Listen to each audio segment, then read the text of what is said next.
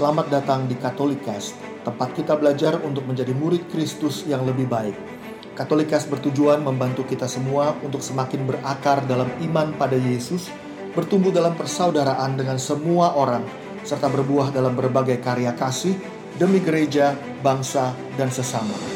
Katolikas berisi cerita kesaksian dan refleksi hidup sebagai pengikut Kristus, katekese iman yang relevan dan praktis untuk hidup sehari-hari, serta dialog topik-topik kekinian dengan berbagai narasumber untuk memperkaya hidup iman kita semuanya. Selamat mendengarkan, Tuhan memberkati.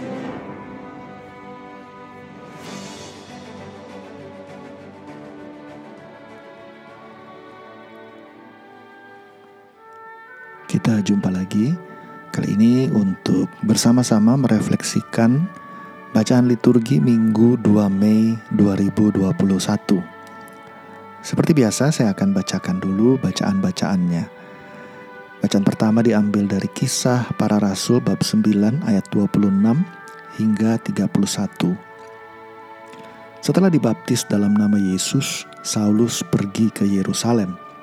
Di sana ia mencoba menggabungkan diri dengan murid-murid Yesus, tetapi semuanya takut kepadanya karena mereka tidak dapat percaya bahwa Saulus juga seorang murid. Tetapi Barnabas menerima dia lalu membawanya kepada rasul-rasul dan menceritakan kepada mereka bagaimana Saulus melihat Tuhan di tengah jalan dan bahwa Tuhan berbicara dengan dia. Juga diceritakannya bagaimana keberanian Saulus mengajar di Damsyik dalam nama Yesus. Maka Saulus tetap bersama-sama dengan mereka di Yerusalem dan dengan berani ia mengajar dalam nama Tuhan. Saulus juga berbicara dan bersoal jawab dengan orang-orang Yahudi yang berbahasa Yunani, tetapi mereka itu berusaha membunuh dia. Akan tetapi, setelah hal itu diketahui oleh saudara-saudara anggota jemaat, mereka membawa Saulus ke Kaisarea dan dari situ membantu dia ke Tarsus. Selama beberapa waktu, jemaat di seluruh Yudea, Galilea, dan Samaria berada dalam keadaan damai. Jemaat itu dibangun dan hidup dalam takut akan Tuhan. Jumlahnya makin bertambah besar oleh pertolongan dan penghiburan Roh Kudus. Bacaan kedua diambil dari surat 1 Yohanes 3 ayat 18 sampai 24. Anak-anakku, marilah kita mengasihi bukan dengan perkataan atau dengan lidah, tetapi dengan perbuatan dan dalam kebenaran Demikianlah kita ketahui bahwa kita berasal dari kebenaran dan kita dapat menghadap Allah dengan hati tenang. Sebab jika kita dituduh oleh hati kita, Allah adalah lebih besar daripada hati kita dan ia mengetahui segala sesuatu. Saudara-saudaraku yang terkasih, jikalau hati kita tidak menuduh kita, maka kita mempunyai keberanian penuh iman untuk mendekati Allah. Dan apa saja yang kita minta dari Allah, kita peroleh daripadanya, karena kita menuruti segala perintahnya dan berbuat apa yang berkenan kepadanya. Inilah perintah Allah itu, yakni supaya kita percaya akan nama Yesus Kristus anaknya, dan supaya kita saling mengasihi sesuai dengan perintahnya yang diberikan Kristus kepada kita. Barang siapa menuruti segala perintahnya, ia diam di dalam Allah dan Allah di dalam Dia. Dan beginilah kita ketahui bahwa Allah ada di dalam kita, yaitu Roh yang telah Ia karuniakan kepada kita. Bacaan Injil diambil dari kitab Yohanes bab 15 ayat 1 sampai 8. Dalam amanat perpisahannya Yesus berkata kepada murid-muridnya, Akulah pokok anggur yang benar dan Bapakulah pengusahanya. Setiap ranting padaku yang tidak berbuah dipotongnya dan setiap ranting yang berbuah dibersihkannya supaya berbuah lebih banyak. Kamu memang sudah bersih karena firman yang telah kukatakan kepadamu. Tinggallah di dalam aku dan aku di dalam kamu sama seperti ranting tidak dapat berbuah dari dirinya sendiri kalau ia tidak tinggal pada pokok anggur, demikian juga kamu tidak berbuah jikalau kamu tidak tinggal di dalam aku. Akulah pokok anggur dan kamulah ranting-rantingnya. Barang siapa tinggal di dalam aku dan aku di dalam dia, ia berbuah banyak. Sebab di luar aku kamu tidak dapat berbuat apa-apa. Barang siapa tidak tinggal di dalam aku, ia dibuang keluar seperti ranting dan menjadi kering.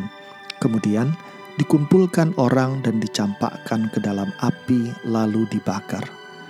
Jikalau kamu tinggal di dalam aku dan firmanku tinggal di dalam kamu, mintalah apa saja yang kamu kehendaki, dan kamu akan menerimanya. Dalam hal inilah Bapakku dipermuliakan, yaitu jika kamu berbuah banyak, dan dengan demikian kamu adalah murid-muridku. Teman-teman semuanya, pada bacaan Injil kita melihat bagaimana Yesus menjelaskan apa artinya menjadi seorang murid yang tinggal di dalam Tuhan. Yesus bilang Tuhan itu seperti pokok anggur yang benar. Bapa adalah pengusahanya. Lalu kita semua ini murid-murid adalah seperti ranting-ranting dari pohon itu.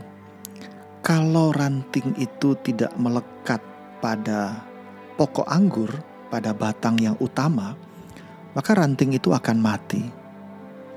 Sehingga kalau mau berbuah terus, maka dia harus terus melekat. Maka pertama-tama sebagai murid, kita perlu melekat kepada Kristus.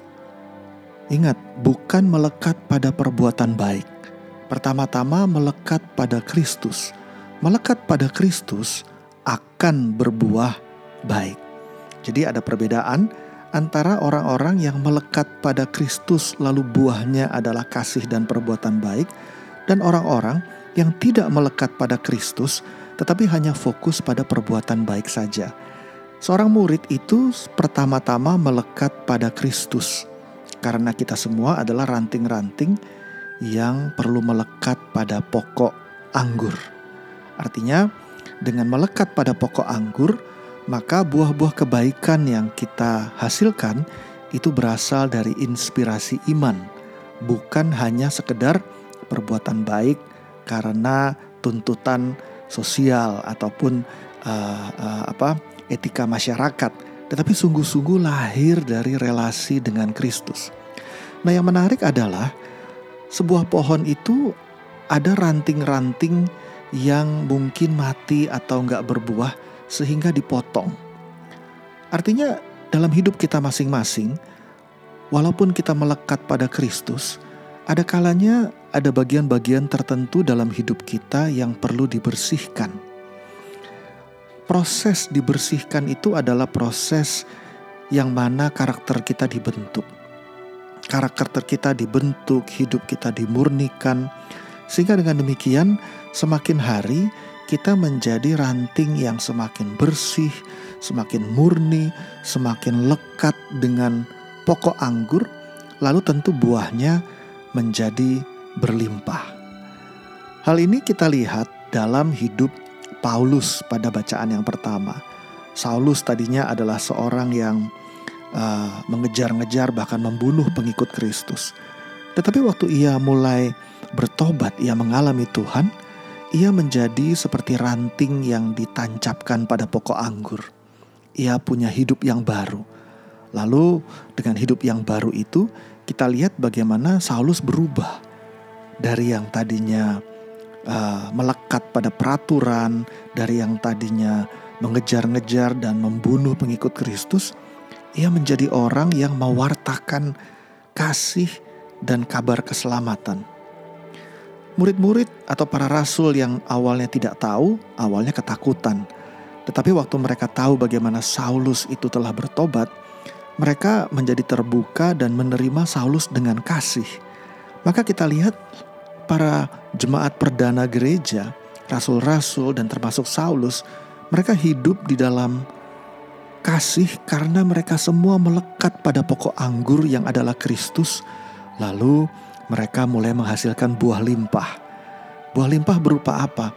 Berupa orang-orang yang terinspirasi, melihat kesaksian hidup mereka, lalu hidup-hidup orang lain itu pun juga berubah. Maka kita lihat di akhir uh, bacaan yang pertama tadi dikatakan bahwa jumlahnya makin bertambah besar oleh pertolongan dan penghiburan Roh Kudus. Itulah yang mau dijelaskan juga oleh Yohanes pada bacaan kedua, bahwa perintah Allah yang terutama itu, kalau kita sudah hidup di dalam Kristus, kita akan melekat pada pokok anggur, relasi dengan Yesus, lalu buahnya adalah hidup yang penuh dengan kasih terhadap sesama. Kasih terhadap sesama itu akan menghasilkan buah-buah yang limpah, sehingga banyak orang juga akan diselamatkan. Tetapi satu hal yang saya mau garis bawahi adalah perjalanan menjadi sebuah kelompok jemaat yang penuh kasih itu tidak terjadi satu malam, tetapi perjalanan pembentukan. Maka sebagai pengikut Kristus, kita akan melewati berbagai situasi yang mungkin gak enak. Karena dipotong, dipangkas, dibersihkan, itu tidak enak.